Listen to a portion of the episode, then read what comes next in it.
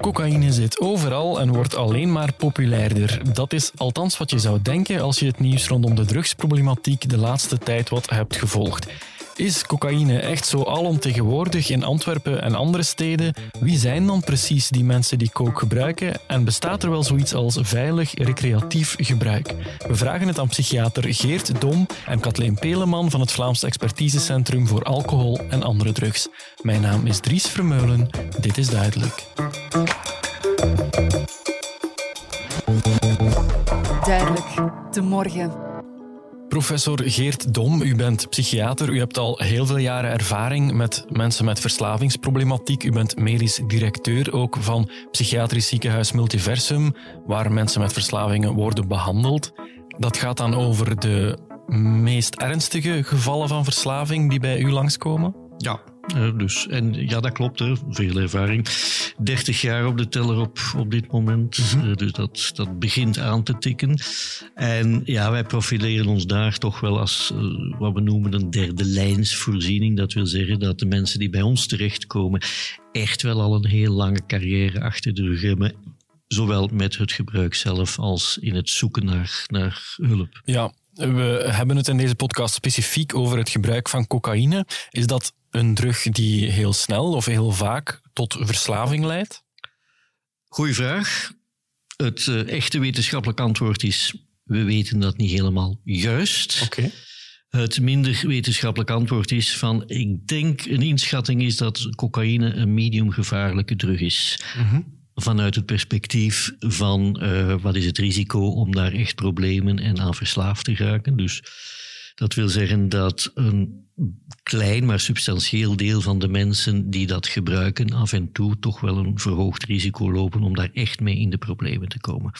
Dat wil dan ook zeggen dat een heel groot deel van de gebruikers eigenlijk niet in de problemen komt. Of begrijp ik dat verkeerd? Nee, dat begrijp je juist. En dat zijn schattingen, want we hebben daar echt geen exacte cijfers over. Dus als je gaat kijken naar het gebruik in, in Vlaanderen bijvoorbeeld van cocaïne, en dat is dan gebaseerd op cijfers van 2018, dus dat is mm -hmm. ongeveer vier jaar geleden, dan zie je dat ongeveer 1,7% van de volwassen bevolking aangeeft het laatste jaar cocaïne gebruikt te hebben. Okay. Dat is ongeveer 3% van de bevolking die zegt van ik heb dat ooit in mijn leven gedaan. Mm -hmm. Dat is gebruik, ooit gebruik. Misschien eens één keer, misschien een paar keer, regelmatig. Als je naar andere groepen gaat kijken, bijvoorbeeld als je gaat kijken naar mensen die uitgaan naar discotheken, dan zie je dat al wat hoger liggen. Mm -hmm. Nu, verre van iedereen die dat doet, gaat daar echt aan verslaafd raken. En dat is een een inschatting, maar je kunt ongeveer stellen dat ongeveer 8 tot 10 procent van de mensen die dergelijke drugs gebruiken, daar echt zwaar mee in de problemen gaan komen. Dus dat is een belangrijk deel, maar dat is zeker niet de meerderheid. Mm. Kunt u misschien als psychiater, als dokter eens uitleggen wat cocaïne nu precies doet met ons lichaam of met onze hersenen als we, dat, als we die drug gebruiken? Wat gebeurt er dan precies? Twee belangrijke dingen in de laat ons zeggen, de hersenchemie van cocaïne. Dat is enerzijds, cocaïne geeft een behoorlijk krachtige boost op het wat we noemen het dopaminerg beloningssysteem. Dat is mhm. dat systeem in het brein dat codeert voor gevoelens van roes, van beloning. En cocaïne geeft daarnaast ook een krachtige boost, bijvoorbeeld op noradrenerge systemen, die dus een stukje de motorische drive, de, de agitatie en dergelijke. Dus je hebt die twee aspecten in één. Dopamine doet dat trouwens ook een klein beetje, maar je hebt die twee grote motoren in deze drug verzameld. Een sterke stimulatie van uw well-being gevoel, gecombineerd met toch wel die extra vitaliteit, die extra energieboost die je erbij krijgt. Is het schadelijk voor onze hersenen of voor ons lichaam? Als je intensief gebruikt, en dus dat is een belangrijke vraag, cocaïne is geen veilig middel voor het lichaam. Oké. Okay. En je kan problemen krijgen tijdens eenmalig gebruik of door af en toe te gebruiken, of behoorlijk veel af en zonder dat je echt verslaafd bent. Dus je hebt enerzijds die dwangmolen dat een, een aantal mensen echt in een repetitief verslavingsgedrag terechtkomen. Maar langs de andere kant heb je mensen die in het weekend bijvoorbeeld veel gebruiken, soms samen met alcohol. En daar verhoog je behoorlijk je risico op hoge bloeddruk, op hartinfarct, nog meer op herseninfarct, dus CVA, mhm. of een ontsteking van uh, het brein, een uh, auto-immuunontsteking van het brein. Dus het is echt geen veilig product om, om, van, vanuit gewoon gezondheidsoptiek.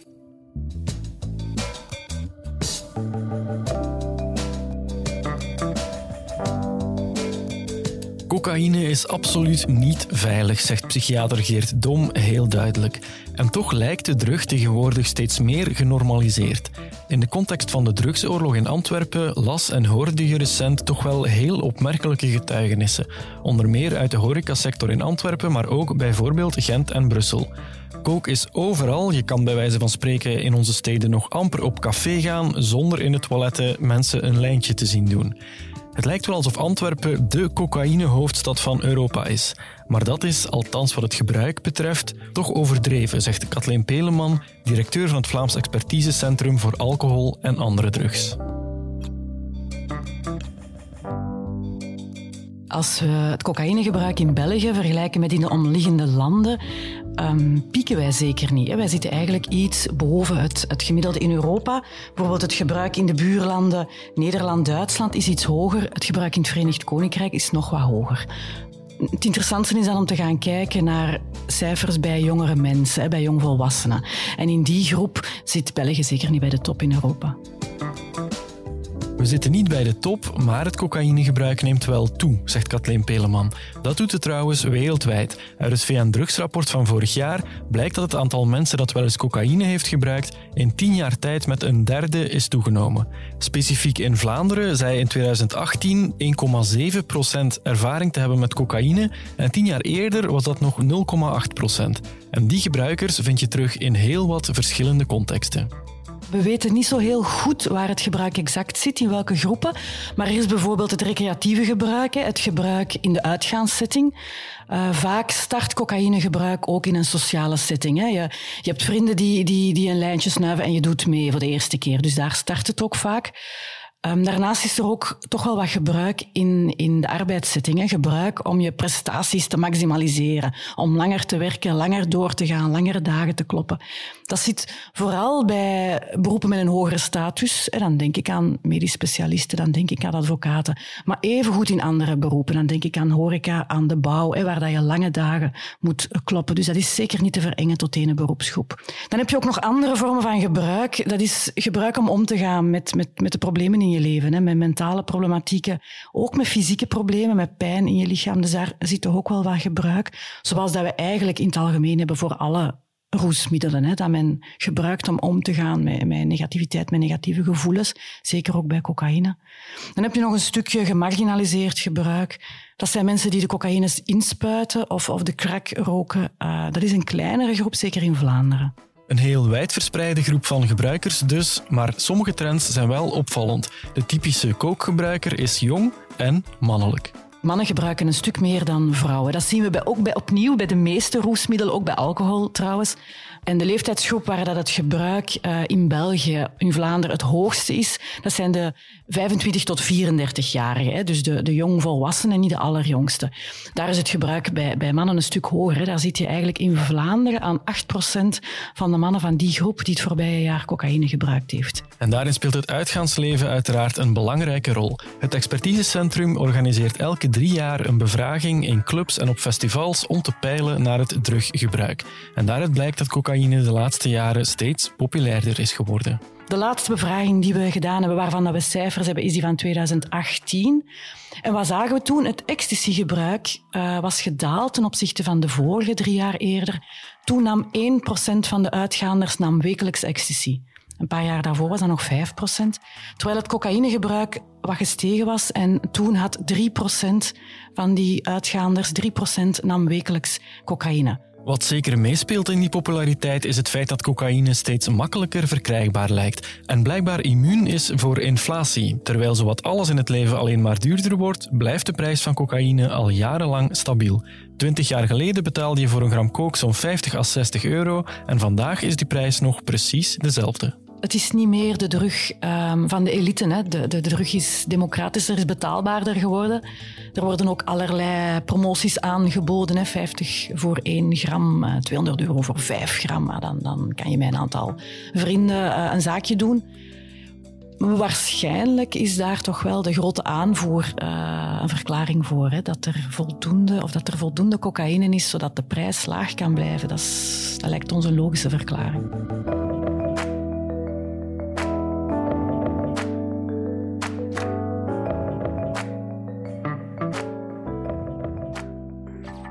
Professor Geert Dom, ja, we horen dan cocaïne wordt veel in het uitgaansleven gebruikt, wordt vaak recreatief gebruikt. Bestaat er eigenlijk zoiets als recreatief cocaïnegebruik of, of is dat altijd problematisch? Uh, dat is de discussie wat is recreatief. Uh Waarschijnlijk zijn een heleboel mensen die gedurende periodes in hun leven cocaïne af en toe gebruiken en kunnen gebruiken zonder te veel bijkomende problemen. En die daar ook na een tijd weer mee stoppen of mee verminderen. Dat zie je ook met alcohol in iemands leven. Zie je periodes soms dat er meer alcohol gebruikt wordt. En als men gaat trouwen of zich wat settelen, eh, gaat dat weer wat minder en dergelijke. Men gaat minder uitgaan en dergelijke. Dus dat schommelt. Idem dito met cannabis. Dus ook voor cocaïne is het meer dan vermoedelijk dat er een boel mensen dat recreatief zonder te veel problemen kunnen gebruiken. Maar opnieuw, je hebt een verhoogd risico om er verslaafd aan te geraken. En zeker een bepaalde subgroep van mensen met kwetsbaarheden. En cocaïne is een redelijk straffe drug, potent. Dat heeft mhm. behoorlijk wat, wat, wat effect. Dus je raakt er toch snel, ja, het, het prikkelt toch wel snel. Dus ik zie ook mensen die regelmatig cocaïne gebruiken, toch wel gemakkelijk een tendens ontwikkelen van daar craving naar te ontwikkelen, goesting. Dus cocaïne, als je eraan verslaafd bent, problemen, geeft niet zo direct lichamelijke ontwenning als je daarmee stopt. Mhm. Maar mensen ervaren heel dikwijls heel, heel straffe craving, goesting om te gaan gebruiken. Uh, heel dus die psychologische verslavingscomponent is heel, uh, heel uitgesproken bij cocaïne. Mm ja, de mensen die u over de vloer krijgt, zijn mensen met vaak heel ernstige verslavingsproblemen. Spelen daar dan meestal omgevingsfactoren, externe factoren mee? Of kan zo'n verslaving eigenlijk iedereen overkomen? Ja, dus dat is een heel belangrijke vraag. Van, wat zijn de factoren die maken dat je behoort tot die club van 8 à 10 procent van mensen die als ze gaan gebruiken toch gaan doorschieten naar verslaving? Uh, heel belangrijk, denk ik. En we weten daar ondertussen van dat er een aantal factoren zijn die echt wel een rol spelen. Ik denk de belangrijkste daarin is genetica. Mm Er wordt, we schatten dat ongeveer 50% van uw verslavingsrisico eigenlijk uh, genetisch, laat ons zeggen, aangedreven of voor een stuk aangestuurd is. Een tweede belangrijke reden is als je kant met wat wij noemen bijkomende psychiatrische of psychische problemen. Dat kan zijn ernstige posttraumatische stress of depressies, maar vooral ook als je in moeilijke omstandigheden bent opgegroeid. Uh, dus, dus wat men dan noemt uh, vroegkinderlijk problematische opvoedingssituaties, waar je stress mee meedraagt. Dus al die dingen die bijdragen dat je algemene weerstand een beetje verminderd wordt. Dus dat verhoogt je risico. Uiteraard stress in het nu. En dat heeft soms te maken een beetje met armoede, want we zien eigenlijk drugproblemen over het algemeen zijn nogal gekoppeld met sociale kansarmoede. Ernstige mhm. drugproblemen. Met cocaïne gaan we een beetje een ander verhaal en soms wordt er gezegd het zijn vooral mensen met wat meer middelen. Maar ernstige drugproblemen zijn dikwijls toch gelinkt met ernstige sociaal-economische problemen ook. Eh, uh, dus er zijn heel wat factoren. Een belangrijke ook is de manier dat je gebruikt. Dat wil zeggen dat als je drugs gaat gebruiken, en dat geldt zeker voor cocaïne, op een manier dat de, het product heel snel in je brein komt, mhm. dan verhoogt je risico om daar snel aan te blijven plakken. Lees dus, als mensen de stap zetten van snuiven naar bijvoorbeeld roken of bezen, dat gaat veel sneller naar het brein en dan zie je heel, heel dikwijls toch een, een echt snelle evolutie naar, uh, naar zware verslaving toe. Dus er zijn veel factoren die, die maken dat iemand al dan niet gaat doorschieten. Mhm. En dat product en de beschikbaarheid van dat product is maar één van die vele factoren. Ja, stel dat ik verslaafd raak aan cocaïne, is het dan moeilijk of überhaupt mogelijk om van die hele verslaving weer af te raken? Mogelijk, 100 procent. Dus heel belangrijk. Als je kampt met een ernstig cocaïneprobleem, zet de stap naar hulpverlening. Dat is heel belangrijk. De prognose is redelijk. Moet daar ook eerlijk in zijn. Behandeling helpt niet iedereen. Mhm. Maar ik denk de behandelresultaten zijn goed. Dat wil zeggen, toch wel 30% van de patiënten met een ernstige zware verslaving worden door uh, behandeling helemaal goed. En kunnen we ook helemaal stoppen. Mm -hmm. 30% van uh, de mensen die in behandeling gaan, slagen erin om weliswaar niet helemaal clean te blijven, maar toch hun leven veel beter op de rails te krijgen. En ongeveer 30% dat is het kleine deel, de groep van patiënten die eigenlijk blijft hervallen en waar dat behandeling moeilijk vat op krijgt. Dus dat is geen perfecte outcome, zoals we dat zeggen, maar voldoende goed, denk ik, voor iedereen om te weten, als je ernstige problemen hebt, alsjeblieft, zet de stap naar hulpverlening en liefst wacht ook niet te lang. Mhm. Want die cijfers die ik nu geef, als je vroeg genoeg in behandeling gaat, worden die beter en beter. Dus dat is een kernboodschap als je problemen hebt en je hebt het gevoel van ben ik nu verslaafd of niet verslaafd? Ik weet het niet zo goed. Ik, er, er knelt iets van binnen. Ik denk soms bij mezelf, het is overdreven. Dat zijn echte tekens, vroege tekens om die stap te zetten. En daar is met je huisarts over te gaan spreken, uh, die je eventueel kan helpen om je stukje door te verwijzen. Hoe vroeger je in behandeling gaat, hoe beter de resultaten.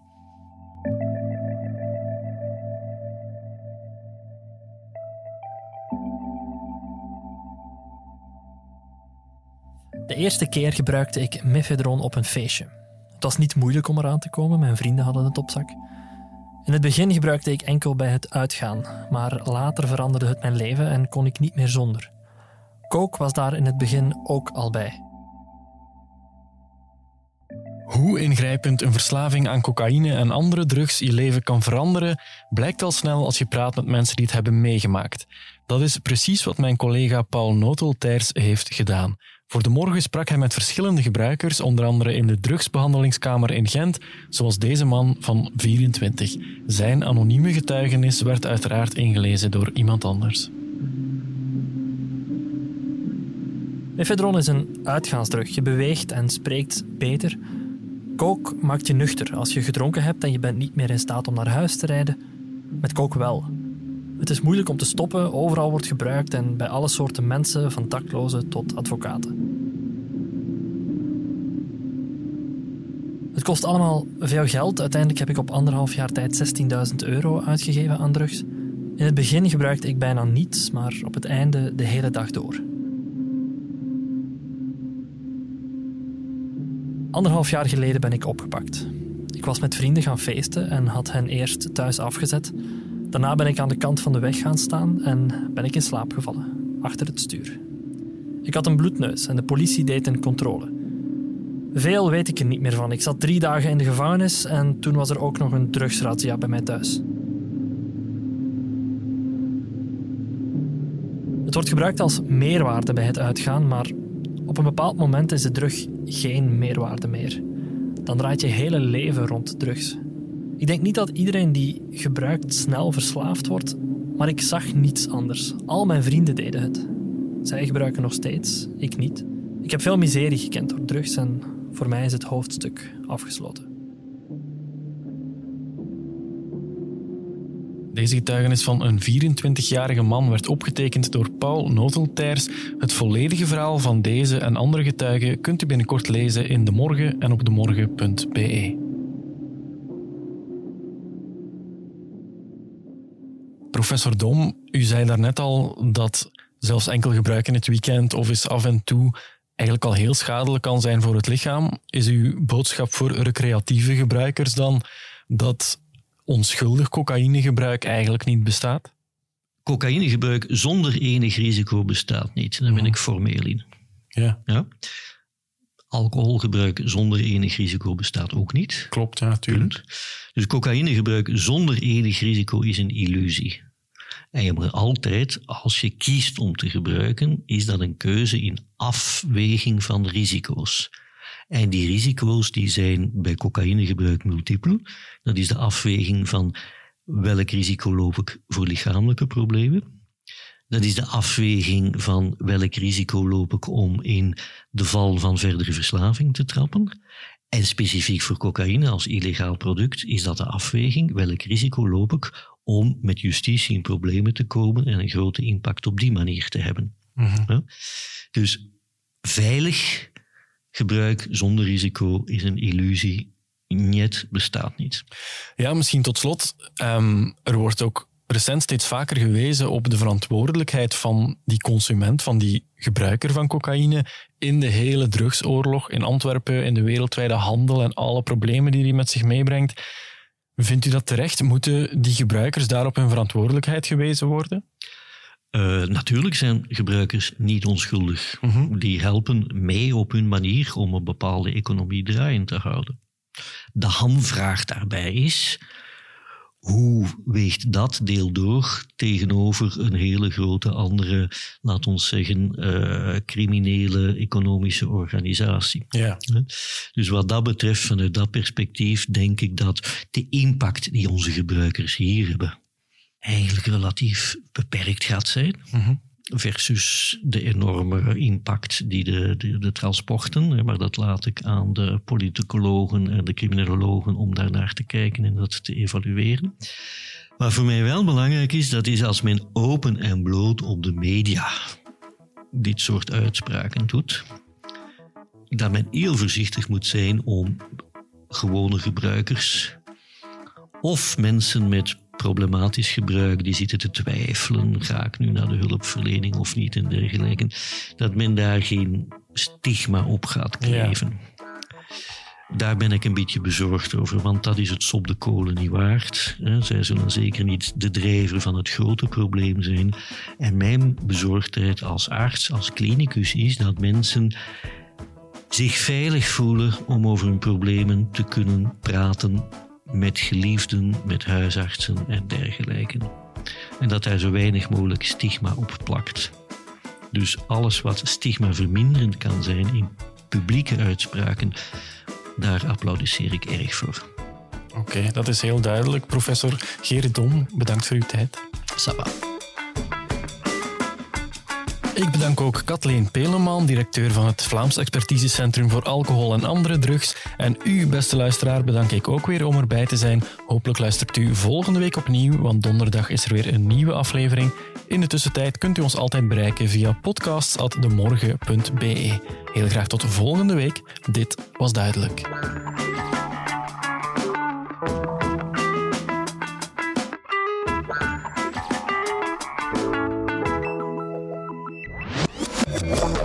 Duidelijk. De morgen.